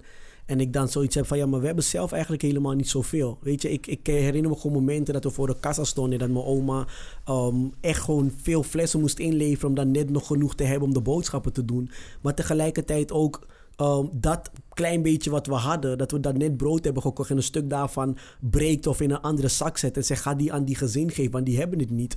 Ehm, dat ik dan op een gegeven moment ook wel tegen die, daartegen opbotste van... oké, maar ik geef, maar hoeveel geef ik? Geef ik genoeg? Ik denk dat dat, dat stukje echt van dat, dat komt. Mijn oma kan ook gewoon een kilo rijst kopen... en dan een halve kilo gaan geven aan de buren. En dan weet ze niet eens of de buren wel of niet hebben. Maar het feit dat haar hart zo is, geeft ze gewoon. Dus ehm, ondanks ik heel veel in het leven gedaan heb... ben ik altijd bewust geweest van... oké, maar dat stukje geven, hoe kan ik dat mijn eigen maken? En ik heb het op een gegeven moment ook echt mijn eigen gemaakt. Ik geef ook echt heel veel, letterlijk... Ehm, maar dat is een stuk wat ik denk ik heb meegekregen vanuit, vanuit de opvoeding. Dat mijn oma was een persoon die haarzelf nooit op de eerste plaats zette. Ik weet dat ze soms ook gewoon letterlijk dakloze mensen naar huis bracht. En zei van, hé, hey, morgen kan je misschien naar een, naar een, een opvang, vanavond niet. Dus ga douchen, zorg voor dat je kleren hebt. En dan zal ik je morgen ergens brengen waar je, kan, waar je naartoe kan. Ehm, en die, het Wat zijn mooi. gewoon mensen die daardoor gewoon voorgangers zijn geworden. En een gezin hebben gehad. En gewoon een hele leven hebben opgebouwd. Puur uit het feit dat zij zoiets had van, ik ga je niet voorbij lopen. Dus, Nee, en, en ja, ik vind het, ik vind het kei mooi, hè? En ik, jij hebt waarschijnlijk ook dezelfde soort drive ergens al meegekregen om je dus in te zetten, Don, zeg maar, voor, eh, voor, voor mensen die vastliepen, zeg maar, in, eh, tegen incassobureaus, et cetera. Dus tegen onrecht en, en het geven in jouw leven. En tegelijkertijd ehm, heb je, ehm, was het niet ook lastig voor jou bijvoorbeeld, Kotwin? Ben je niet, heb je niet dingen gemist daarin of tegen aangelopen? Ehm, ik weet niet of ik dingen gemist heb. Wat ik wel lastig vond, was dat ik op een gegeven moment geen... ehm, ik, ik kende geen grenzen aangeven. Dus ik kon echt letterlijk mijn hele salaris weggeven. En dan niet denken aan, oké, maar hoe moet ik voor mezelf zorgen morgen? En ik, wat ik bij mijn oma terug heb gezien, is dat ze altijd zei, ja, God gaat het regelen. God, God ziet het, wat ik doe, dus hij gaat het wel regelen. Ehm, en ik kan me ook echt herinneren, er waren avonden dat mijn oma kwam bidden, want wij sliepen op een gegeven moment op één kamer, dat doen een stapelbed. Um, en dan kwam mijn oma voor ons bidden en dan noemde ze ons Shadrach, Meshach en Abednego. En dan zit ze, zit ze salvingsolie op ons en was ze echt voor ons aan het bidden. En, en in dat soort momenten merkte ik dat mijn oma iedere keer haarzelf wegcijferde. En wat ik wel mooi vind, is dat mijn oma werd wat ouder. En toen werd ze op een gegeven moment ook ziek. En toen merkte ik dat zij wel kon terugkijken naar... oké, maar wat is belangrijk voor mij nu? En toen mochten wij voor haar zorgen. En toen kon ik met geheel mijn hart zeggen... weet je, ik weet nu wat prioriteiten stellen is. En ik leer het nog steeds. Want ik heb soms ook wel echt momenten dat zoiets heb van... oké, ik geef veel te veel weg nu. Nu moet ik even terugtrekken en kijken wat is echt belangrijk. Maar ik botste er tegenaan omdat ik bijvoorbeeld nooit heb leren sparen. Ik heb nooit zoiets gehad van: oké, ik wil op vakantie, dan moet ik hiervoor zoveel opzij zetten. Dat kon ik gewoon nooit. En nu ik getrouwd ben, merk ik hoe belangrijk dat is. En mijn vrouw kan dat gelukkig heel goed. Dus ik, ik ben lerende wat dat betreft. Um, maar dat is wel een, een hele grote issue wat ik heel lang gehad heb. Ik moest ook heel veel dingen um, letterlijk op geloof doen. Zoals dat ik mijn rijbewijs wilde halen, was ik gewoon gaan werken. En op een gegeven moment had ik, me- had ik genoeg. En toen zei ik, oké, nu ga ik het in één keer halen. Want anders geef ik het geld weer weg. En dus dat was, waren wel struggles die ik had, hoor. Dat ik gewoon geen Ja, dus grens wat, aan wat, geven je, had. wat je ook niet... Kijk, je hebt heel veel daarin wel geleerd, maar wat je niet geleerd hebt is dus gewoon... Ja, dus ook, ook wat eh, omgaan met geld, zeg maar. Ja, precies. op een bepaalde Ja, manier ja. wel, maar niet op een manier waardoor je nou, steady ook wat dingen kunt opbouwen of kunt Precies, sparen of, ja. of dingen voor jezelf, Ja, et ja, cetera. ja. Ehm, ik, ik blijf nog even stilstaan bij dat, dat jullie soort van gezalfd zijn. Ik weet niet, gebeurde dat dan? Ehm, en laat ik het zo zeggen, en, jullie leiden best wel bijzondere levens, voor mijn gevoel. Hè? Je, zit niet elke dag een Tweede Kamerlid aan tafel. Ehm, jij, Godwin, jij, jij, jij gaat door dat leven heen als een soort van ja, vrolijke stoomwals. En je, en, je, en je pakt alles op en je, en je gaat ervoor. En je hebt zoveel impact op mensen, merk ik. Heb je het gevoel dat, dat die zalvingen misschien was... Hoe, hoe kijk je daarnaar? Is dat, is dat, heeft dat letterlijk heeft dat invloed gehad da- daarop, denk je? Ja, ik, ik denk, mama was altijd blij, hè. Ik, ik heb mijn oma eigenlijk nooit boos of verdrietig in huis gezien. Ja, behalve als ik pak slaag kreeg. Maar, Maar dat ze dat jullie zo heb- specifiek meegaf, zeg maar. Ja. Don, Don, hoe was dat? Heb jij dat, heb jij dat bewust opgepikt? Is dat iets? Nou, ik denk eh, wat vanuit huis uit heel sterk is meegeven, is een bepaalde afhankelijkheid eh, van God. En dat dat, een, dat dat de veiligste plek is waar je eigenlijk je leven, eh, in wiens handen je leven kan leggen. En ik denk dat dat iets is geweest wat zij ook demonstreren. Hè? Wat God weer aangaf is dat zij s'avonds voor ons aan het bidden was. Ehm, maar door heel veel dingen heen. Ehm, en ik denk ik denk, ik, ik denk in zekere zin zij wie degene die hun leven in de handen van God durven te leggen en zo ook wandelen, daar zit een stuk, ik wil niet zeggen onbevangenheid, maar wel een stuk gel- echte geloof in. Ik, ik geloof echt wel dat dat een bepaalde, bepaalde principe is wat je ook wel terugziet in je leven. Ehm, dus dat is iets wat ik probeer te omarmen. Dat gaat met vallen en opstaan. Eh, en natuurlijk moet je, je moet, jij moet jouw deel leveren, absoluut. Eh, maar heel veel dingen die ik ehm, in mijn leven meemaak en zie, ik ben me heel erg bewust van dat dat, deels is eh, door wat ik gestudeerd heb, de keuze die ik gemaakt heb. Maar ik geloof zeker ook dat een groot deel daarvan is omdat ik ooit zei tegen God, ja, God, God kom maar op. Hm. Ik, ik, ik, wil, ik wil beschikbaar zijn. En dan geloof ik echt ook wel dat heel veel deuren daardoor ook open zijn gegaan. Ehm, dat is wel iets wat mijn moeder dan eh, heeft, he- heeft, he- heeft meegegeven. en het stukje, stukje salving, ja, dat is dan bidden met, met olijfolie. Eh, salving, ja, dat heeft de functie van dat, je iets of iemand, dat je iemand apart zet. Ehm, eh, koningen, priesters werden in het Oude Testament gezalfd. Eh, maar dat heeft wel, dat is een stukje, stukje opdragen aan God. Van dit is, ik zet de persoon apart. Eh, Jezus Christus. Christus betekent ook de, de gezalfde in het Grieks. Ehm, en ik geloof dat we allemaal gezalfd zijn. Ik geloof dat we allemaal een roep van God hebben ontvangen. Dat we voor iets apart zijn eh, ge- gezet. Iets wat specifiek ons deel is. Iets waarvoor eh, wij hier op aarde zijn. En specifiek iets waarvan wij ook het verschil in kunnen maken. En dat is wel, dat nogmaals, dat, dat is echt ook iets wat ik vanuit het huis uit continu heb meegekregen. Dat koester ik en dat hoop ik ook over te mogen brengen aan anderen. En Paul, hoe kijk jij daarnaar? Want ik vind jou in wat jij doet ook helemaal gezalfd. Het is niet elke dag dat je hoort dat een man zegt: Ik ben celibaat en ik kies ervoor om mijn leven zo toe te wijden aan het werk van God. Om andere jongeren te kunnen helpen, om die roeping te, te niet alleen die roeping, maar hun roeping überhaupt te kunnen beantwoorden. Ehm, zie jij dat ook terug bij jouw ouders? Heeft jouw moeder ook, ehm, weet jij bewust dat jouw moeder gebeden heeft voor bepaalde momenten voor jou waarvan je denkt van hé, hey, dit zou daar ook wel mee te maken kunnen hebben? Ja, ja, 100%. Ik denk dat ik, eh, ik denk dat ik 90% van mijn relatie met Jezus en mijn roeping te danken heb aan mijn ouders. Zo. Ja.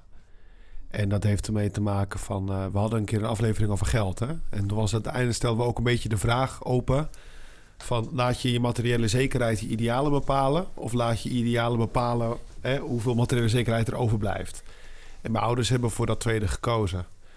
Bijvoorbeeld, ik kan me herinneren, ik weet niet of jullie zo'n boekje hadden als kind. En dan had je van die kinderboekjes waar iedereen zich, zich kon inschrijven. Weet je, met zo'n pasfotootje en al die vraagjes konden beantwoorden. Zo'n vriendenboekje. Ik Oh weet ja, niet- ja. nou, en dan op een gegeven moment, ik had ook zo'n vriendenboekje. En toen had mijn ouders het ook... En mijn moeder had ingevuld. En eentje was, wat is jouw grootste droom? En mijn moeder zei, dat is om met mijn man en mijn kinderen naar de hemel te gaan. Dat is, dat is Oh. mijn grootste droom. Dat is waar mijn leven op gericht is. En dat hebben mijn ouders beide met woord en daad... tot op heden, hebben ze dat in de praktijk gebracht. En ik weet dat mijn ouders ook heel veel hebben gebeden... voor de roeping van elk kind. En toen ik ze vertelde dat ik dit besluit had genomen... ik was 16, van... ik denk dat God mij roept tot een celibatair leven... en het Opus Dei toen, eh, is, eh, nou, toen hebben ze me omhelst. En toen is mijn vader met mij een biertje gaan drinken in de kroeg om het te vieren. Want mijn ouders waren gewoon heel gelukkig. Een, een kind van mij heeft zijn roeping ontdekt. En wat is er mooier dan dat? Weet Ja. je, dat hij ontdekt wat God van hem wil. Daarna is nog heel leven om daarmee te worstelen. En het is niet het einde, het is het begin.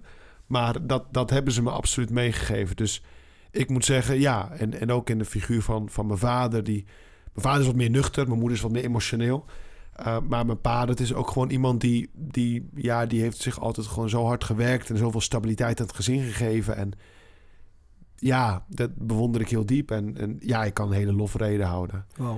Maar om dat daarnaast, en dat is niet de schuld van mijn ouders, maar je vroeg ook van wat heb je gemist in je kindertijd? Mm. Kijk, we zijn zes kinderen en door de omstandigheden, want het was ook niet zo ge- ge- gepland, we moesten best wel regelmatig verhuizen. En bijvoorbeeld ook toen we van Nederland naar Spanje verhuisden, even mijn oudste broer achter in Nederland om te studeren, want hij was al 18.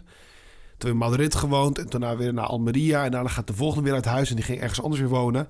Dat had ook een voordeel. Dat is ieder op zijn achttiende weg uit huis, eh, een bepaalde zelfstandigheid. En hè, ga, ga voor je eigen leven nu. Hè, Ja. Van kom uit het, nest, eh, het veilige nestje en hoppakee, ga de wereld in. Maar eh, het heeft me ook wel, heeft ook wel veroorzaakt, denk ik, dat, ja, dat je soms ook wel miste dat je gewoon echt als gezin allemaal bij elkaar was. Eh, dat heb ik maar, ja, weet je, tot je tiende dat heel het gezin bij elkaar was. En dat je daar het ook wel hebt gemist. En dat je daar ook merkt dat, ja, misschien ben ik ook soms, zijn we iets te zelfstandig geworden, weet je wel? ja, ik kan, ik kan wel met je meevoelen inderdaad. Of tenminste, eerst, eerst bij jou zeg maar, wat...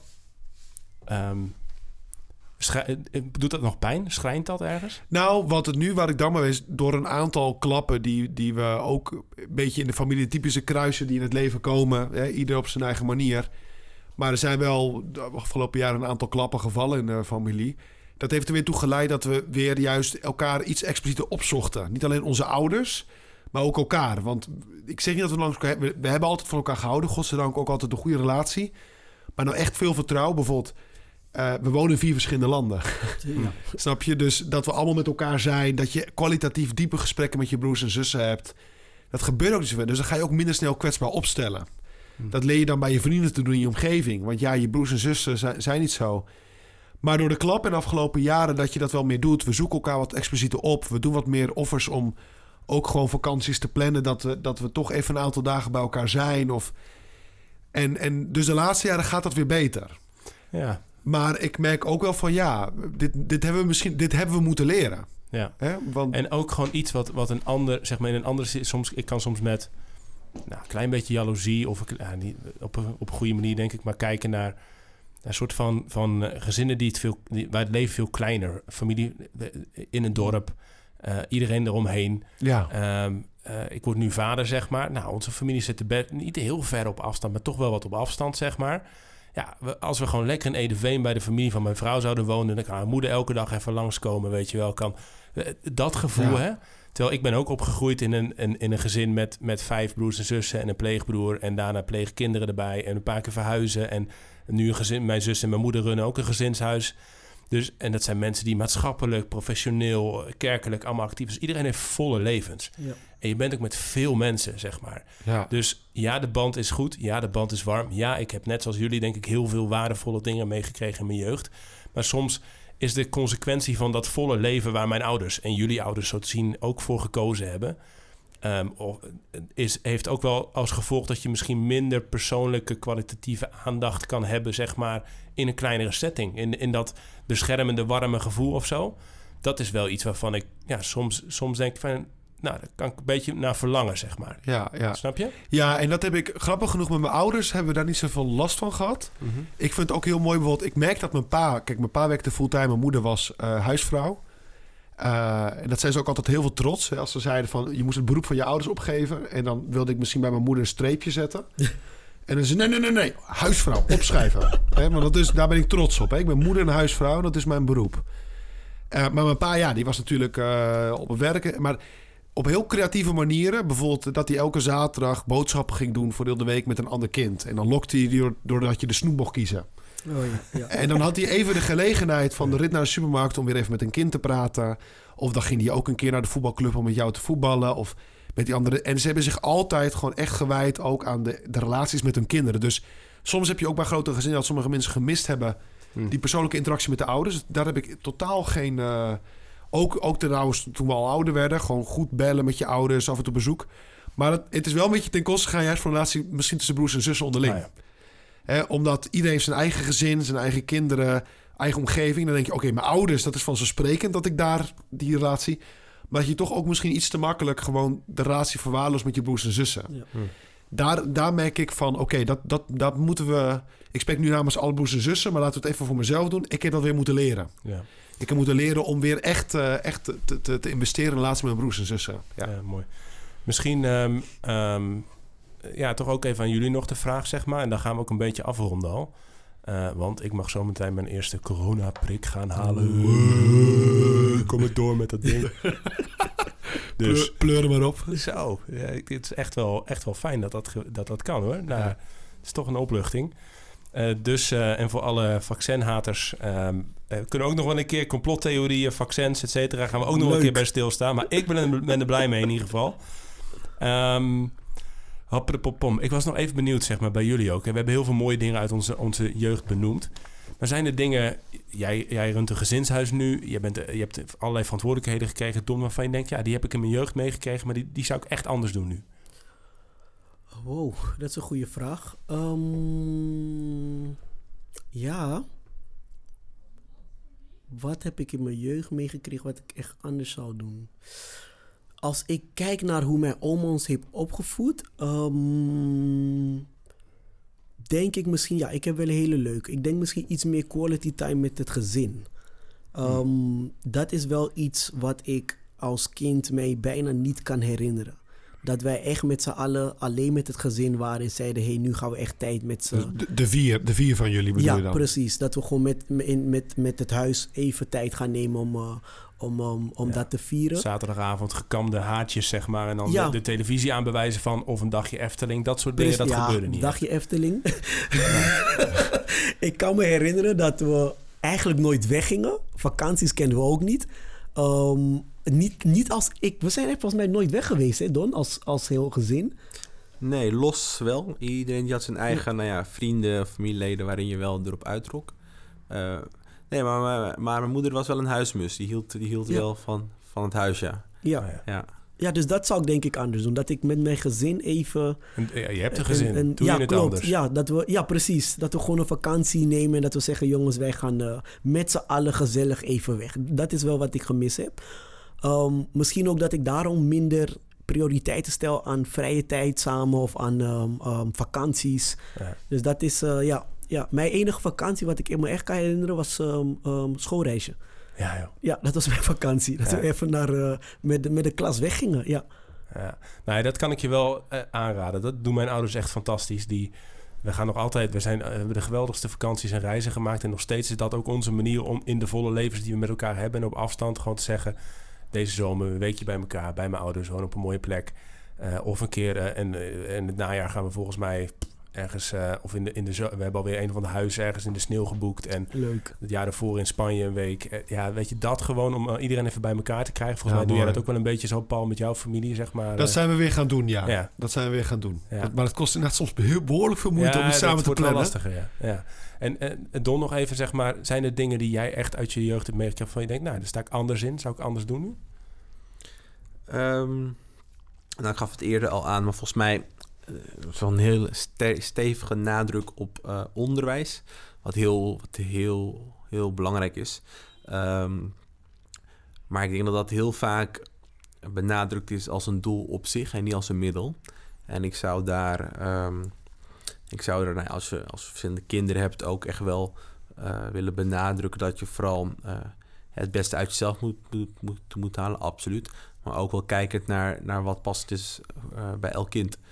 En het hoogst haalbare, dat, eh, of tenminste uit jezelf, dat, dat, dat is misschien voor ieder kind misschien ook wel wat anders. Kan ook wel heel, heel ergens anders, an, an, an- anders liggen. Dus de principe neem ik, eh, neem ik mee. Ik denk dat ik daarin wel ehm, nou, misschien meer ruimte zou laten in wat het dan betekent. Het beste uit jezelf halen. Want het ook iets is, een reis. Nou, die reis die had ik moeten maken. Maar dat is iets wat je ook misschien dan ook vanuit als ouder ook echt stimuleert. Van joh, Hm. ehm, haal het beste uit jezelf zeker. Maar ga voor jezelf al vroeg Ja, op dus zoek niet- wat het dan betekent. Ja, dus niet dat plaatje, want dat hebben we misschien ook allemaal wel een beetje ervaren. Soms ouders die een plaatje op je plakken, zeg maar, van, van, eh, van of een bepaalde route voor zich zien... of bepaalde kaders Ja. hebben waar dingen binnen moeten vallen. Ja. Zeg maar, dat is die generatie misschien ook nog wel ietsje meer eigen dan, dan, die, dan de onze. Ehm, maar dat wat meer loslaten. Ik hoorde Gary Vee, zo'n, zo'n, eh, dat is zo'n online guru, ook op een gegeven moment roepen... ja, weet je, er zijn heel veel kinderen die gewoon heel veel geld gaan verdienen met gamen... en online actief zijn, zeg maar. En natuurlijk, gameverslaving, dingen zijn een probleem... maar laten we ook niet alles, zeg maar, op, eh, zeg maar omdat technologie de, de bad guy is. Ik noem even een voorbeeldje, hè, van, Ja. van, zeg maar, van denken van, van hoe ja, de- je kinderen kunnen op allerlei manieren tot een, tot een mooi, ge- gezond, gezalfd leven misschien komen. Ja. Ehm, en, en dan is onderwijs natuurlijk belangrijk. En natuurlijk moet je scherp zijn op bepaalde dingen. Maar het, het hoeft niet, weet je, het, kan ook op sport, creatief bezig zijn, in de kerk. Ja. Eh, geen idee, hè? Daar, daar moet ook ruimte voor zijn. Dat. dat. Maar dan wil ik toch even aanvullen. Mhm. Van, maar dat, hoeft, dat, dat sluit niet uit dat jij mooie, duidelijke idealen in de opvoeding van je kinderen hebt. Ja. Hè? Van dat je goed nadenkt, wanneer heb ik mijn kind goed opgevoed? Hm.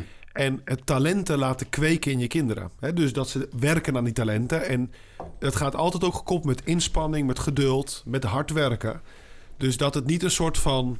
Ik zou willen waarschuwen voor een soort van iets te... eh, hoe zeg je dat? Uh, vrijblijvend. alles mag, maar dat... Ja, precies. Oh, Nee, jij dat wil nu dansen en volgend jaar wil je springen en volgend jaar wil je voetballen. nee, gewoon leren dan ook je kind. Oké, jij wil profvoetballer worden. Oké, maar dan moet je heel hard werken. Hè? Ja. Ja. En, en hem dan ook leren die ethos. Hè? En, Ja. en een goede, ik weet niet, dat... Want, want ja, daarna, die, die kinderen hebben ook richting nodig. Weet Ja, je? zeker. En, en lange termijn denken, dat kunnen kinderen nog niet. Nee. En daar moeten Nou, en dat is, eh, en eerlijk gezegd denk ik dus ook wel, onze generatie wordt ook wel eens de snowflakes genoemd, hè, zeg maar. Mensen die het allemaal een beetje aankomen waaien. En nou, dat herken ik in jullie levens eh, überhaupt al niet als ik jullie verhalen zo hoor. Ehm, in de mijne eigenlijk ook niet. Ehm, ik denk dus ook een bepaald, ja, iemand heeft het wel eens genoemd, een soort liefdevolle verwaarlozing. Dus, dus wel heel veel liefde en idealen en meegeven, et cetera. En, een- en een veilige basis. Maar, maar ook niet alles bij de hand nemen. Dus dat je op je achttiende... Ik heb ook gewoon...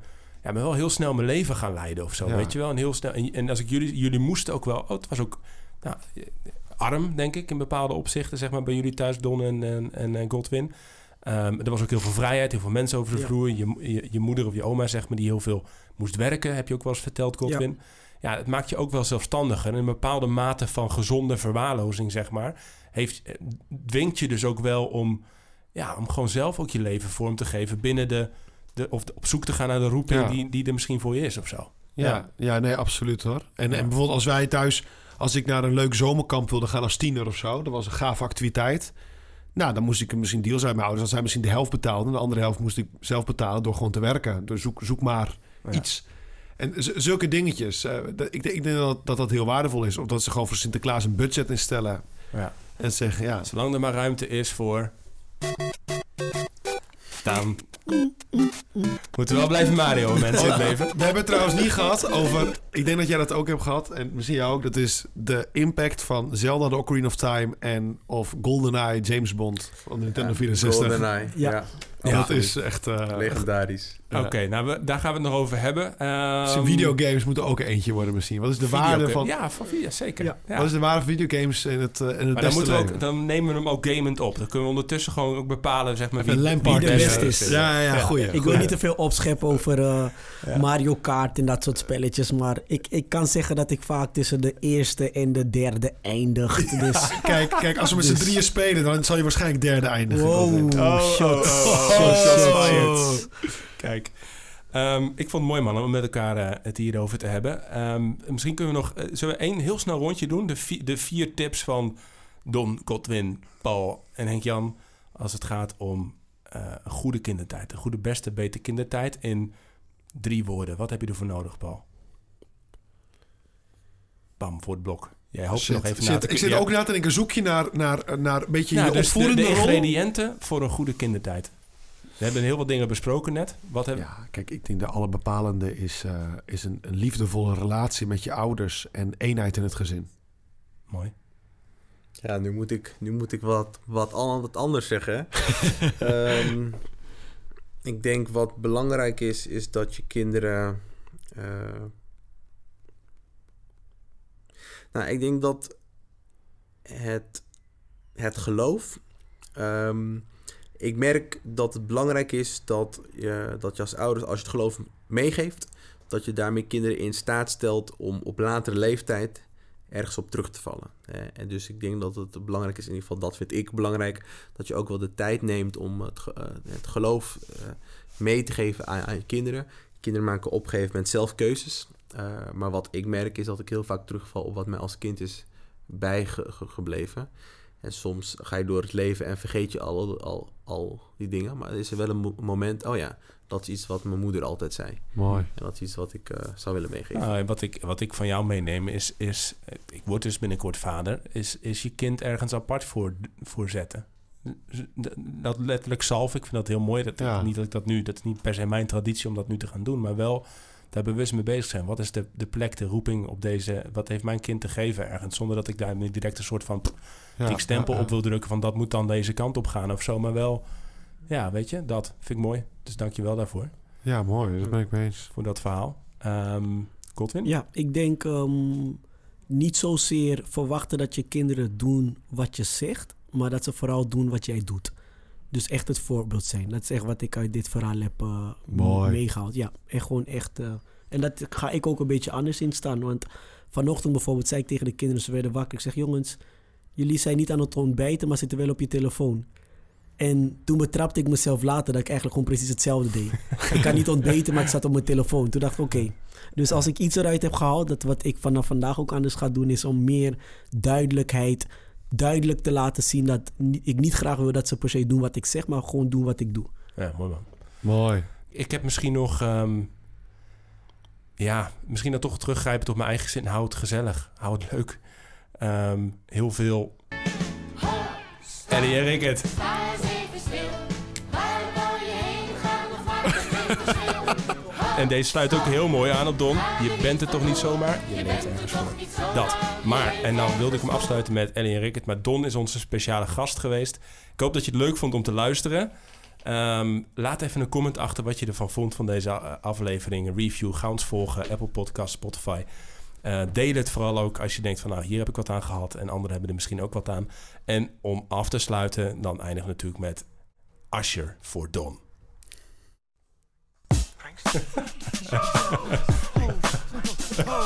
Ik wil die moves zien, joh. De moves. moves. Don was het dansen vroeger. Ja?